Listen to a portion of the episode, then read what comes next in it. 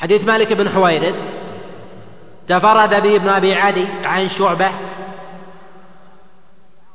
وسعيد بن أبي عروبة عن قتادة وتفرد به ابن أبي عدي ورواه جماعة عن سعيد بن أبي عروبة وعن قتادة ولم يذكروا فيه الرفع من السجود. الإشارة بالرفع من السجود لكنه ثابت عن عبد الله بن عمر عليه رضوان الله تعالى. وقد جاء مرفوعا عن أنس بن مالك عليه رضوان الله تعالى ولا يصح. وقد تفرد برفعه عبد الوهاب الثقفي وعله دار قطني عليه رحمة الله تعالى والضحاوي بالوقف. قد جاء في حديث وائل بن حجر وفي إسناده أشعث بن سوار وكذلك عبد الجبار بن وائل بن حجر لم يسمع لم يسمعه من أبيه. وعليه يقال أنه لم يثبت عن رسول الله صلى الله عليه وسلم الإشارة في الرفع من الركوع وكذلك الهوي في الرفع من السجود في الهوي إلى السجود أيضا. وإنما ثبت عن بعض الصحابة عليهم رضوان الله تعالى. والسنة إنما تثبت بفعله عليه الصلاة والسلام. ورفع اليدين يمد أصابعه غير قابض لهما لأصابع يديه ولا ناشرا لهما. وقد روى النسائي أن النبي عليه الصلاة والسلام قال وكان يرفع يديه ناشرا لهما. وقد تفرد بهذا يحيى بن اليمن وهو منكر. وصواب النبي عليه الصلاة والسلام كان يرفع يديه مدا من غير تعمد لتفريج بالأصابع. وتقدم الكلام على مسألة استقبال القبلة بالكف. ثم بعد ذلك يهوي للركوع. والسنة في هذا أن يكون هوي المأموم بعد الإمام. ولهذا قال النبي عليه الصلاة والسلام فإذا ركع فاركعوا. والفاء للتعقيب ويكون عقب الإمام. وفي مثل هذه الحال السنة ألا يشخص رأسه ولا يصوبه. ولكن بين ذلك وأن يستوي ظهره وأن يطمئن في ركوعه وهو واجب. ولهذا النبي عليه الصلاة والسلام أمر المسيء صلاته بأن يعيد الصلاة وذلك لأنه لا يطمئن بركوعه وسجوده. ومن لا يطمئن بسجوده وركوعه فصلاته باطلة. وقد روى المروزي محمد بن نصر حديث الأعمش عن زيد بن وهب أن حذيفة بن اليمان رأى رجلا لا يطمئن بركوعه وسجوده فقال منذ متى وأنت تصلي هذا؟ قال منذ أربعين سنة قال منذ أربعين سنة ما صليت. ولو مت على هذا لمت على غير فطرة محمد صلى الله عليه وسلم. وفي أمر النبي عليه الصلاة والسلام ذلك رجل بإعادة دليل على الوجوب وعلى بطلان من لم يطمئن في ركوعه. والسنة أن يكون الركوع كالقيام طولا. إلا إن شق ذلك على الناس. وهذا من السنن التي يغفل أو يتركها الكثير أن يجعلوا الركوع مساوي للقيام. وأيهما أولى؟ إذا كان لا يستطيع أن يطيل الركوع لمصلحة ما أن يقصر القيام حتى يساوي الركوع. أم يجعل القيام طويلا بقاء على السنة ويختصر الركوع لمصلحة؟ يقال أن يجعل القيام على أصله طويلا ويختصر في ركوعه. هذا هو الأولى وظاهر السنة. وقد كان النبي عليه الصلاة والسلام يصلي ويقرأ في الركعة الواحدة بالبقرة والنساء وآل عمران وكان ركوعه قريبا من قيامه. وكان عليه الصلاة والسلام يعظم الرب في ركوعه ويكثر من الدعاء والابتهال والتضرع لله سبحانه وتعالى. ولا يجوز قراءة القرآن في الركوع ويحرم ولهذا نهى رسول الله صلى الله عليه وسلم عن القراءة إلا في حالة إذا اقتبس الإنسان دعاء من القرآن. أو تسبيحا من القرآن فقد كان النبي عليه الصلاة والسلام يتأول القرآن فيقول سبحانك اللهم وبحمدك. كما جاء في الخبر عنه عليه الصلاة والسلام في الصحيح. والسنة أن يعظم الرب في الركوع فيقول سبحان ربي العظيم ويقول سبوح قدوس رب الملائكة والروح. أو يقول سبوح رب الملائكة والروح. وثبت عن رسول الله صلى الله عليه وسلم أنه كان إذا ركع قال اللهم لك ركعت وبك آمنت ولك أسلمت خشع لك سمعي وبصري ومخي وعظمي وعصبي. وأما ما جاء عن رسول الله صلى الله عليه وسلم ما يروى عنه أنه قال في سبحان ربي العظيم قال اجعلوها في ركوعكم فلا يثبت. ولا يثبت الأمر بقول سبحان ربي العظيم والسنة أن يعظم الرب بما جاء من ألفاظ التعظيم عن رسول الله صلى الله عليه وسلم من غير تقييد بلفظ معين. ومما ثبت عن رسول الله صلى الله عليه وسلم في ذلك أن يقول سبحانك اللهم وبحمدك اللهم اغفر لي. وهذا يدل على أن الركوع من مواضع الدعاء. أن يدعو الإنسان بما تيسر له مع تعظيم الرب جل وعلا. وأما العدد فيسبح ثلاثا وإن زاد فحسن. فإطالة النبي عليه الصلاة والسلام ركوعه كقيامه دليل على على التكرار. وألا يمل الإنسان من تكرار تعظيم الرب جل وعلا. وإن أتى الإنسان ببعض ألفاظ التعظيم مما لم يرد لا بأس بذلك وصحت صلاته. والدليل على ذلك تنويع النبي عليه الصلاة والسلام بين الألفاظ مما يدل على عدم لزوم شيء بعينه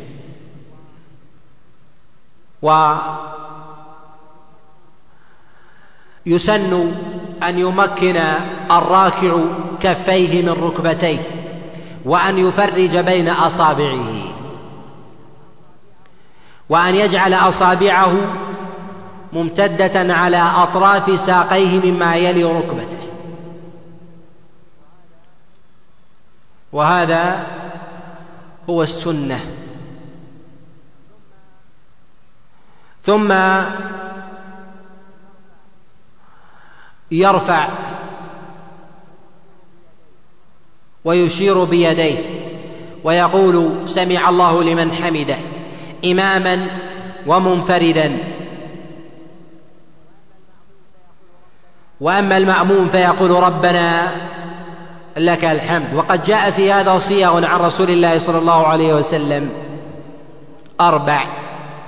وهي اللهم ربنا لك الحمد أولها وثانيها اللهم ربنا ولك الحمد وثالثها ربنا لك الحمد ورابعها ربنا ولك الحمد. وهي في الصحيح.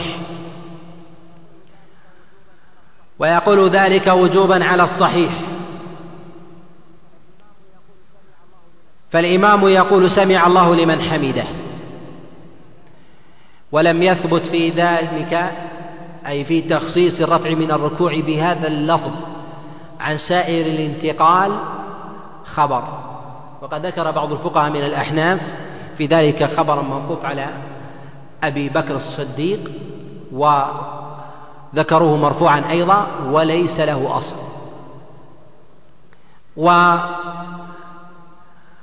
ويقول المأموم ربنا لك الحمد ملء السماوات والأرض وما بينهما وما شئت من شيء بعد.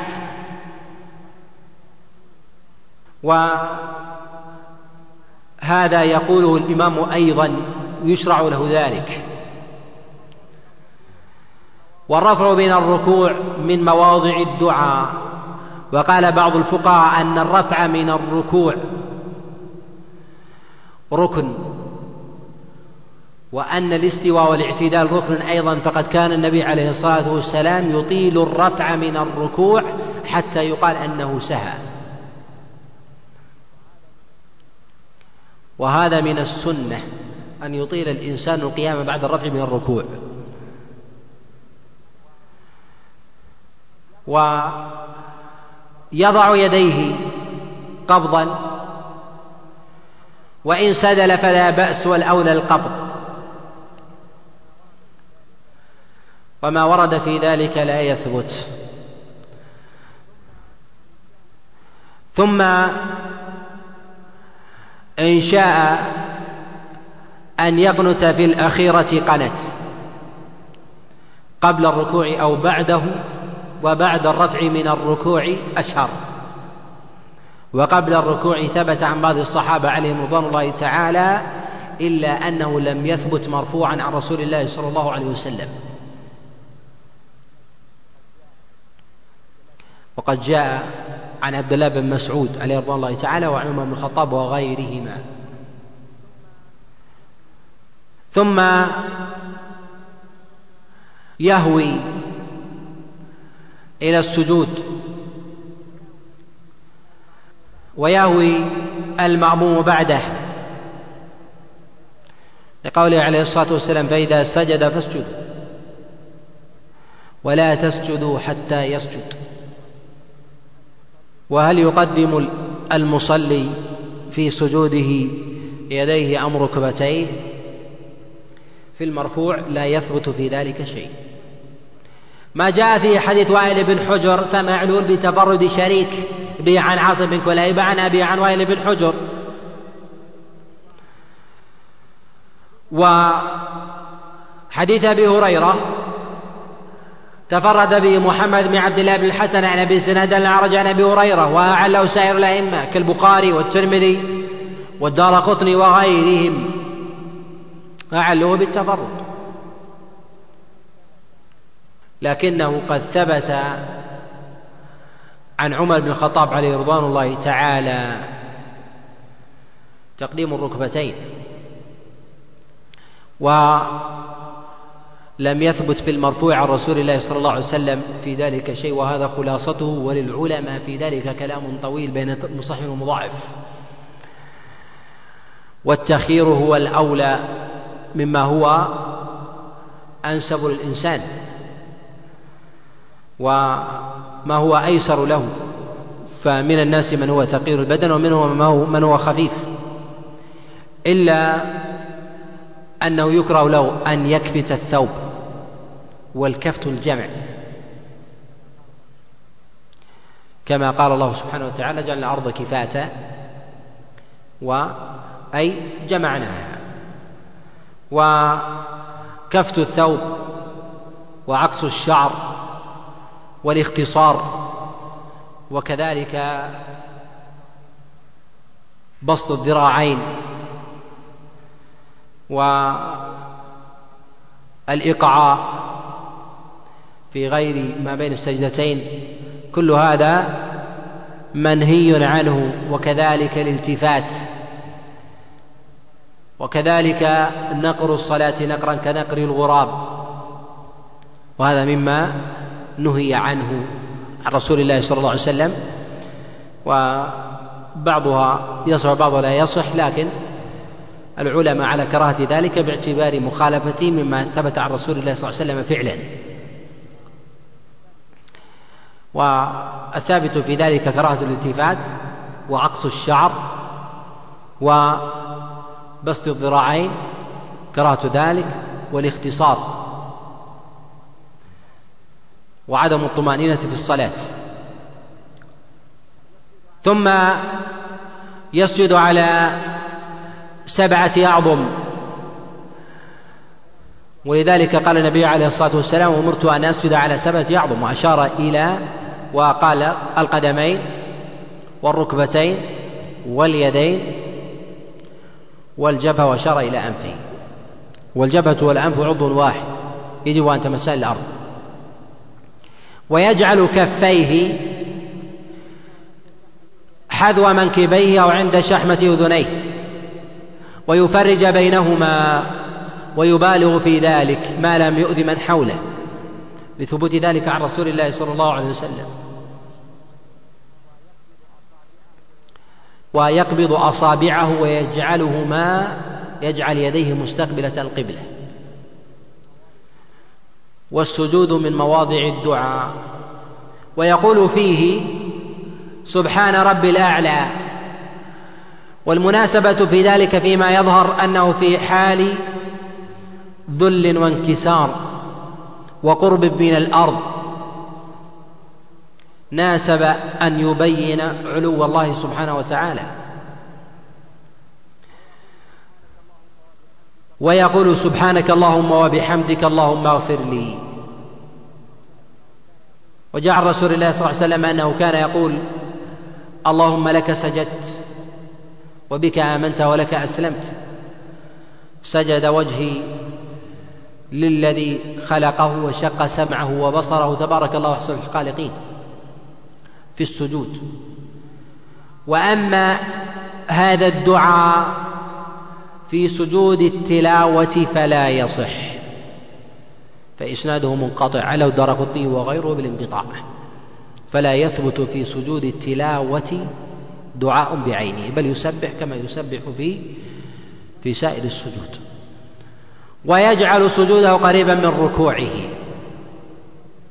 ويكثر من الدعاء. فقد قال النبي عليه الصلاة والسلام أقرب ما يكون العبد إلى ربه وهو ساجد فأكثر فيه من الدعاء فقامن أن يستجاب لكم أي حري أن يستجاب لكم. ولا يقرأ القرآن في السجود إلا اقتباسا من دعاء ويكثر من تعظيم الله سبحانه وتعالى وسؤاله. ويقول سبحان ربي الأعلى وأما قول وبحمده بعد سبحان ربي الأعلى فلا تثبت. اعلها الإمام أحمد وغيره وقد جاءت في عدة أحاديث وكلها معلولة. لكنه يقولها مع قول سبحانك اللهم وبحمدك أما وبحمده فلا. فلا تصح. ثم يرفع من سجوده وهذه الجلسة بين السجدتين. ووضع القدمين في أثناء السجود ناصبا لهما ويستقبل بأصابع قدميه القبلة. ولا يجوز له أن يرفع قدميه أو أحدهما حال سجوده لأنه مأمور بأن يسجد على سبعة اعظم ويرفع من سجوده ولا يرفع يديه لعدم ثبوت ذلك عن رسول الله صلى الله عليه وسلم وإن ثبت عن بعض الصحابة. وهذه الجلسة بين السجدتين.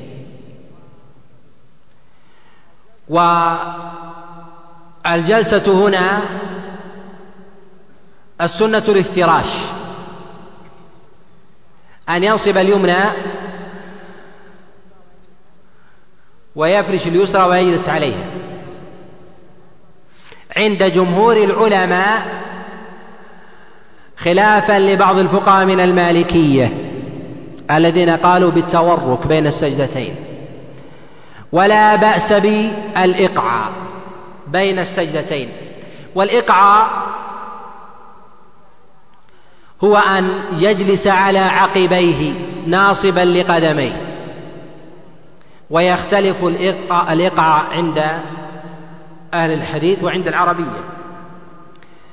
فأهل الحديث يرون أن الإقعاء هو أن يجلس على عقبيه ناصبا لقدميه فارشا لهما خلفه. وعند أهل العربية أن ناصبا لقدميه جاعلا أصابع قدميه جهة القبلة. والإقعاء سنة. ثبت في صحيح الإمام مسلم من حديث طوس عن عبد الله بن عباس أنه سنن الإقعاء فقال هو السنة وليس هذا هو الإقعاء الذي نهى عنه النبي عليه الصلاة والسلام نهى النبي عليه الصلاة والسلام عن إيقاع إيقاع الكلب. فالكلب إيقاعه ليس كذلك. فالإقعاء أن يقعي أن يجلس الإنسان على إليته وهو شبيه شبيه بالاحتباء. وقال بعضهم أن المراد بالإقعاء وهو وجيه هو أن يفرش قدميه عن يمينه ويساره أو ينصبهما ويجلس على إليتيه بين قدميه. ومن الفوائد هنا ما يذكره بعض العلماء أنه قال ليس شيء من الحيوان جالسا أطول منه قائما إلا الكلب في حال إقعائه فإذا أقع وكان جالسا أطول منه إذا كان إذا كان قائما. نص على هذا ابن عبد البر في كتابه الاستذكار عند كلامه على هذه المسألة فيما أذكر وعدي بها قديما من سنوات. و الجلسة بين السجدتين يجب فيها الطمأنينة. ولا يشرع فيها الإشارة بالسبابة فما كان النبي عليه الصلاة والسلام يفعل ذلك ولا أحد من أصحابه. ومن قال بمشروعية ذلك بعض الفقهاء المتأخرين استدلالا بأن النبي عليه الصلاة والسلام كان يشير إذا جلس فيقال أن الجلوس والقعود إذا أطلق المراد به التشهد.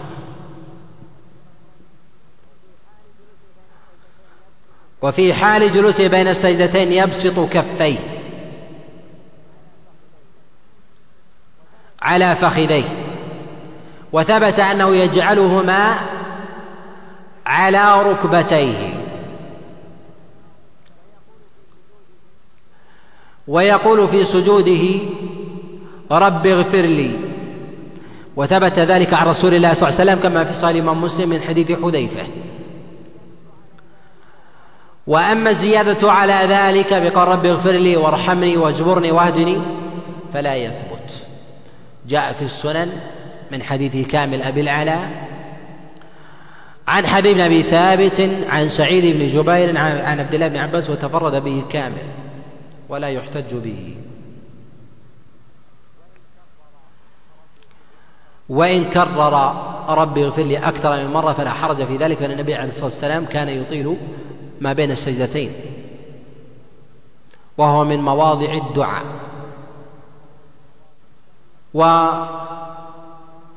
والسجود في الثانية كالأولى وفي الركعة الثانية كما فعل في الأولى إلا أنه لا يستفتح فيها. أي لا يدعو دعاء الاستفتاح. وتكون القراءة كالنصف من قراءة الأولى. وحال قيامه للثانية يقوم على صدور قدميه. لثبوت ذلك عن رسول الله صلى الله عليه وسلم في حديث أبي حميد الساعدي. وأما القيام عجنا فلا يثبت عن رسول الله صلى الله عليه وسلم. فيقوم على صدور قدميه وإن وضع كفيه على فخذيه معتمدا أو اعتمد على يدي على على الأرض بيديه على الأرض فلا حرج في ذلك. وكل هذا وارد عن رسول الله صلى الله عليه وسلم. فينهض النبي عليه الصلاة والسلام على صدور قدميه وورد أنه اعتمد على الأرض بيديه وعلى على فخذيه. ولا يرفع يديه في حال رفعه هذا لأنه ليس من مواضع الرفع. ثم يفعل في الثانية ما فعل في الأولى وكذلك في ركوعها وكذلك في سجودها. ثم في الثانية يجلس للتشهد والجلوس للتشهد. هنا للعلماء عليهم رحمة الله تعالى في الجلوس للتشهد أقوال عدة. ذهب جمهور العلماء وهو قول الإمام أحمد والشافعي وأبي حنيفة إلى أن السنة في التشهد الأول في الرباعية والثلاثية الافتراش واختلفوا في الأخيرة. في التشهد الأخير في الثلاثية والرباعية. فذهب الإمام أحمد إلى أنه يفترش في التشهد الأول وفي الثنائية ويتورك في الثلاثية والرباعية في التشهد الأخير. وذهب الشافعي إلى أنه يتورك في كل في آخر الصلاة سواء كانت ثلاثية أو ثنائية أو رباعية. وفي التشهد الأول يفترش. وكلهم قد استدلوا الإمام أحمد والشافعي استدلوا بظاهر حديث أبي حميد الساعدي أن النبي صلى الله عليه وسلم كان إذا جلس للتشهد. الأول نصب اليمنى وافترش اليسرى. وقال أبو حميد في حديثه قال وإذا كان في آخر صلاته نصب اليمنى ومد اليسرى وجلس على إليته اليسرى. قال وفي قوله في آخر صلاته دليل على أنه آخر الصلاة ما كان تشهدا آخر الصلاة سواء كانت ثنائية أو ثلاثية سواء كان كانت ركعتين أو ثلاثا أو أربعا أنه يتورك فيها وهذا كله محتمل. وذهب أبو حنيفة إلى عدم مشروعية التورك وأن الافتراش هو السنة بالإطلاق في الأول والأخير. وذهب الإمام مالك إلى إلى التورك بكل حال حتى بين السجدتين وهذا الذي عليه جماهير أصحابه. وقد خير الإمام أحمد عليه رحمة الله تعالى بين هذه الأفعال. وإن كان يميل إلى الافتراش في التشهد الأول وفي التشهد الأخير التورك. وكأنه رخص في هذا وهذا وكأنه يميل إلى أن هذه أحوال وأفعال فعلها النبي عليه الصلاة والسلام فلا حرج في من يختار في شيء من ذلك. لكن يقال أن النبي عليه الصلاة والسلام فعل هذه في أحوال وهذه في أحوال في صلاة واحدة ما يدل على المغايرة. ولكن يقال أن الأمر في هذا واسع وأنه إن افترش أو تورك لا حرج في هذا كله.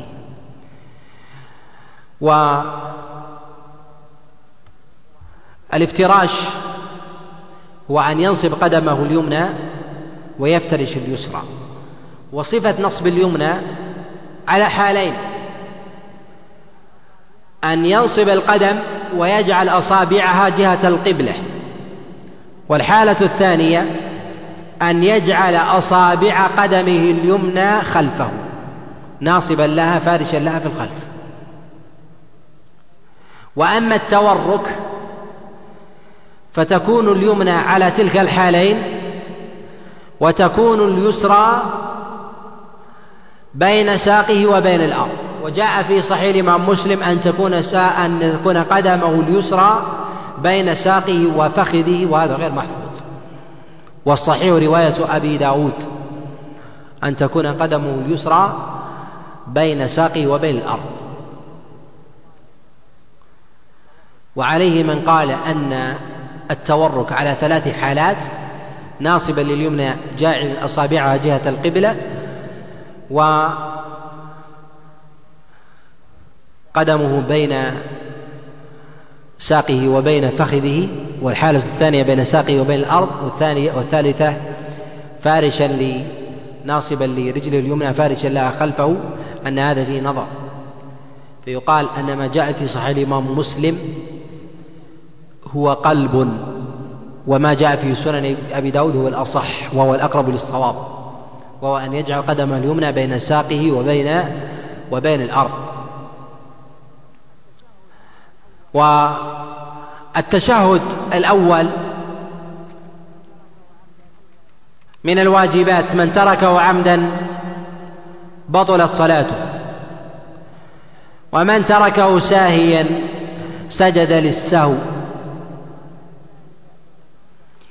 ومن قام للثالثة ساهيا فإن اعتدل قائما فلا يرجع إلى التشهد الأول لأنه قد شرع في ركن. فلا يدع الركن إلى شيء قد فات واجب. والتشهد الأول ليس معه صلاة على النبي عليه الصلاة والسلام على الصحيح. وما جاء في ذلك عن رسول الله صلى الله عليه وسلم لا يثبت وليس من السنة. ولا يدعو بعد تشهده الأول فإن الدعاء إنما هو بعد التشهد الأخير. وإن ثبت هذا عن عبد الله بن عمر. وقال به الإمام مالك أن يدعو بعد تشهده الأول لكنه لم يثبت عن رسول الله صلى الله عليه وسلم. فإن أطال الإمام في الجلوس وقضى المأموم تشهده فإنه يسبح ويهلل. وإن دعا بما لما ورد عن عبد الله بن عمر فلا حرج عليه إلا أنه خلاف الأولى إلا لمن احتاج إليه لطول جلوس الإمام. وفي الثالثة إذا قام إليها يرفع يديه لثبوت ذلك عن رسول الله صلى الله عليه وسلم. وفي تشهده يشير بإصبعه والإشارة بالإصبع قد ثبتت عن رسول الله صلى الله عليه وسلم في أحاديث كثيرة من حديث عبد الله بن عمر وغيره في الصحيح. وما ورد عن رسول الله صلى الله عليه وسلم من الإشارة في الإصبع جاء فيها ألفاظ نصبها وتحريكها وعدم تحريكها وحنيها واستقبال القبلة بها. وجاء التحريك وعدمه وثابت عن رسول الله صلى الله عليه وسلم أنه كان يرفع إصبعه ويشير بها. أما التحريك فلم يثبت عن رسول الله صلى الله عليه وسلم قد تفرد به زائد بن قدامة. وقد أعلها أبو بكر بن عربي وغيره. وقد صحى ابن خزيمة بن حبان وغيرهم. ولابن خزيمة احتمال بالتصحيح والأظهر أنه يرى الإعلان وحكى بعضهم التصحيح عنه وغير ظاهر. وأما عدم التحريك فلا يثبت أيضا والثابت الرفع والإشارة والتحريك مسكوت عنه. فمن أشار وحرك من غير تعبد بذلك التحريك فلا شيء عليه ولا حرج.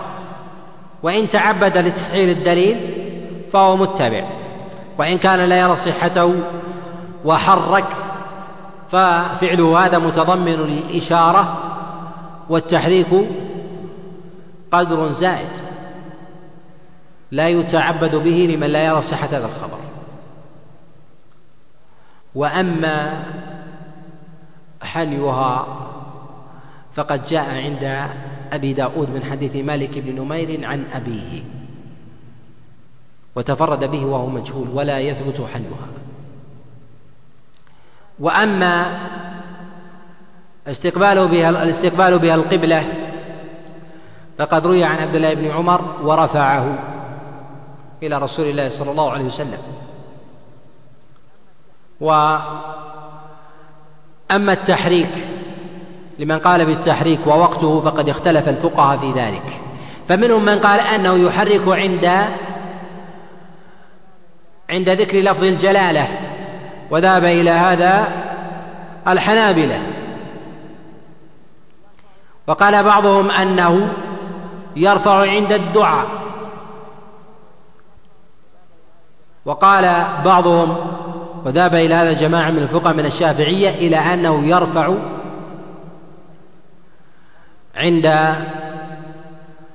قوله إلا الله.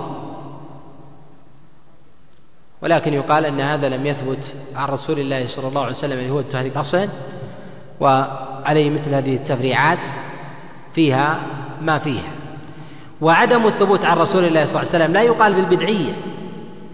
لأن النبي عليه الصلاة والسلام أشار. فإذا حرك الإنسان إصبعه في في تشهده لا حرج في هذا. لأن فعله هذا تحريك. لأن فعله هذا إشارة. والنبي أشار. والتحريك مسكوت عنه.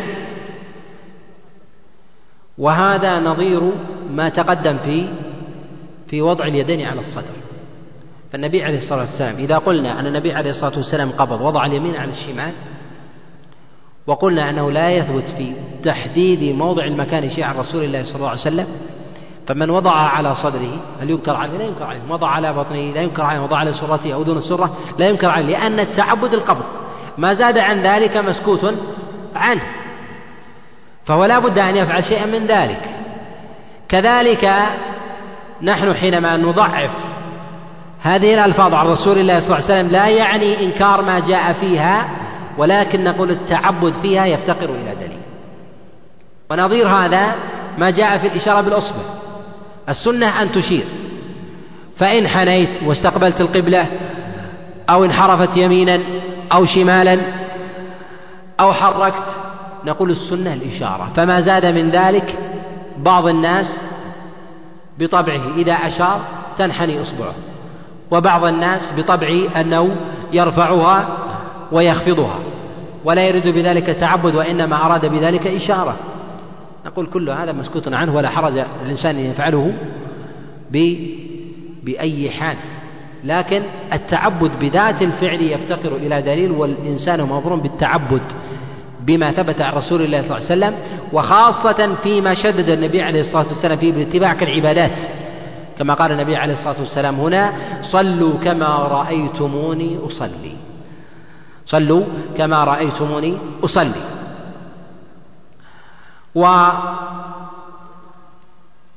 وفي تشهده الأخير يذكر التشهد الأول ما تقدم وما ثبت عن رسول الله صلى الله عليه وسلم من التحيات. أشهرها حديث عبد الله بن مسعود. وتشهده بالاتفاق وهو أصح ما جاء عن رسول الله صلى الله عليه وسلم وأشره باتفاق العلماء. وهو التشهد المشهور. التحيات لله تحيات لله والصلوات الطيبات المباركات.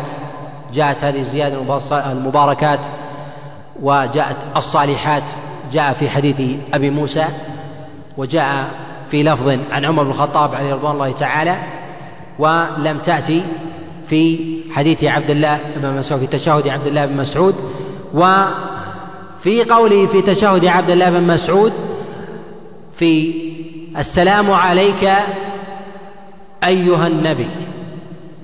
قال بعض الفقهاء وهو مروي عن عبد الله بن عباس عليه رضوان الله تعالى وحكاه عطاء عن الصحابة عليهم رضوان الله تعالى أن أنه بعد وفاة النبي عليه الصلاة والسلام أنه لا يقال عليك أيها النبي لأن هذا يتضمن إشارة بعد وفاة النبي عليه الصلاة والسلام يقال على النبي.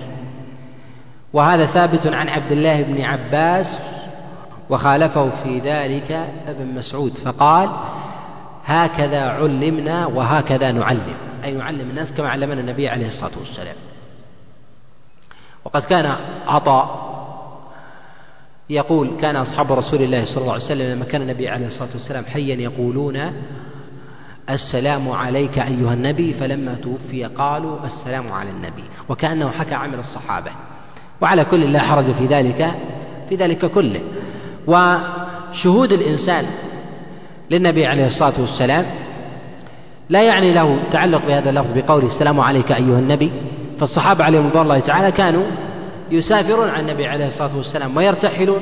مع ذلك ما أمرهم النبي عليه الصلاة والسلام أن لا يقول عليك أيها النبي وأن يقول السلام على النبي. فدل على البقاء. ولهذا عبد الله بن مسعود عليه رضي الله تعالى قال هكذا علمنا النبي عليه الصلاة والسلام وهكذا نعلم. أي نعلم الناس كما علم النبي عليه الصلاة والسلام غير زيادة ولا نقصان فمن فعل بما كان عليه عبد الله بن مسعود فلا حرج عليه وهو الأصل. ومن فعل بما كان عليه عبد الله بن عباس وما حكاه عطى بن أبي رباح عن جماعة من أصحاب رسول الله صلى الله عليه وسلم فإنه لا حرج عليه كذلك. ومن أخذ بالتشهدات الثابتة عن الصحابة عليهم رضوان الله تعالى كتشهد عبد الله بن عباس وأبي موسى الأشعري وعمر بن الخطاب وعائشة عليه رضي الله تعالى فكل هذا فكل هذا وارد. وإن غاير الإنسان بين هذا وهذا فلا حرج إلا أن الأشهر والذي ينبغي أن يداوي أن يكثر ويغلب الإنسان على صلاته هو تشهد عبد الله بن مسعود عليه رضوان الله تعالى. والصلاة على النبي عليه الصلاة والسلام بعد التشهد الأول تقدم أنها ليس من السنة. وأما في التشهد الأخير فذهب الفقهاء من الحنابلة إلى وجوبها والصواب أنها سنة في التشهد الأخير وهو قول جمهور العلماء أنها سنة وليست بواجبة في التشهد الأخير وذلك أنه لم يثبت الأمر بها عن رسول الله صلى الله عليه وسلم وإنما النبي عليه الصلاة والسلام لما جاءه الصحابة عليهم رضوان الله تعالى وعلموا النبي عليه الصلاة والسلام التشهد فقالوا علمنا كيف نصلي عليك. فقال النبي عليه الصلاة والسلام قل اللهم صل على محمد وعلى آل محمد كما صليت على إبراهيم وعلى آل إبراهيم إنك حميد مجيد. فالنبي عليه الصلاة والسلام سأله الصحابة قالوا كيف نصلي عليك؟ إذا لم يكن شرع قبل ذلك حتى جاء السؤال. والقاعدة أن الأمر إذا جاء بعد سؤال أنه يفيد الاستحباب لا يفيد الوجوب إلا لقرينة تؤكد ذلك. أي تؤكد الاستحباب إلى الوجوب ولا مؤكد في هذا.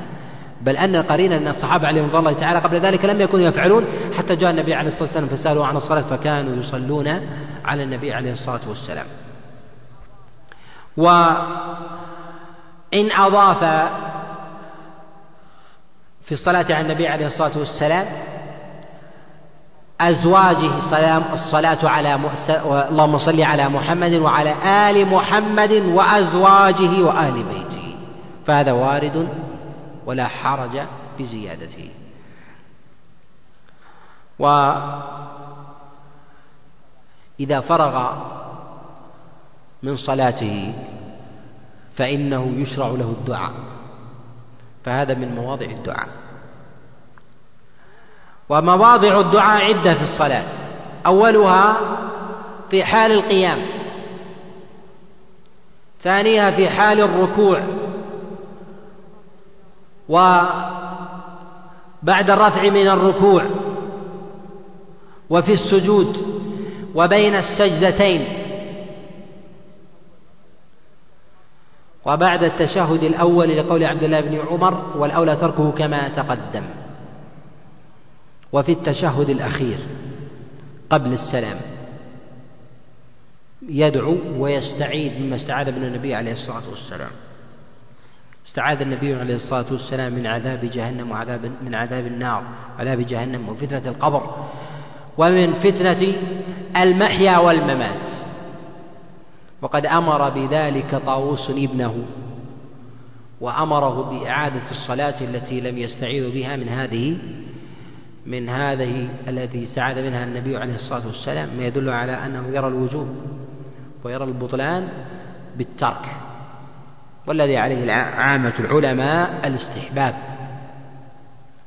ويدعو بعد ذلك بما شاء.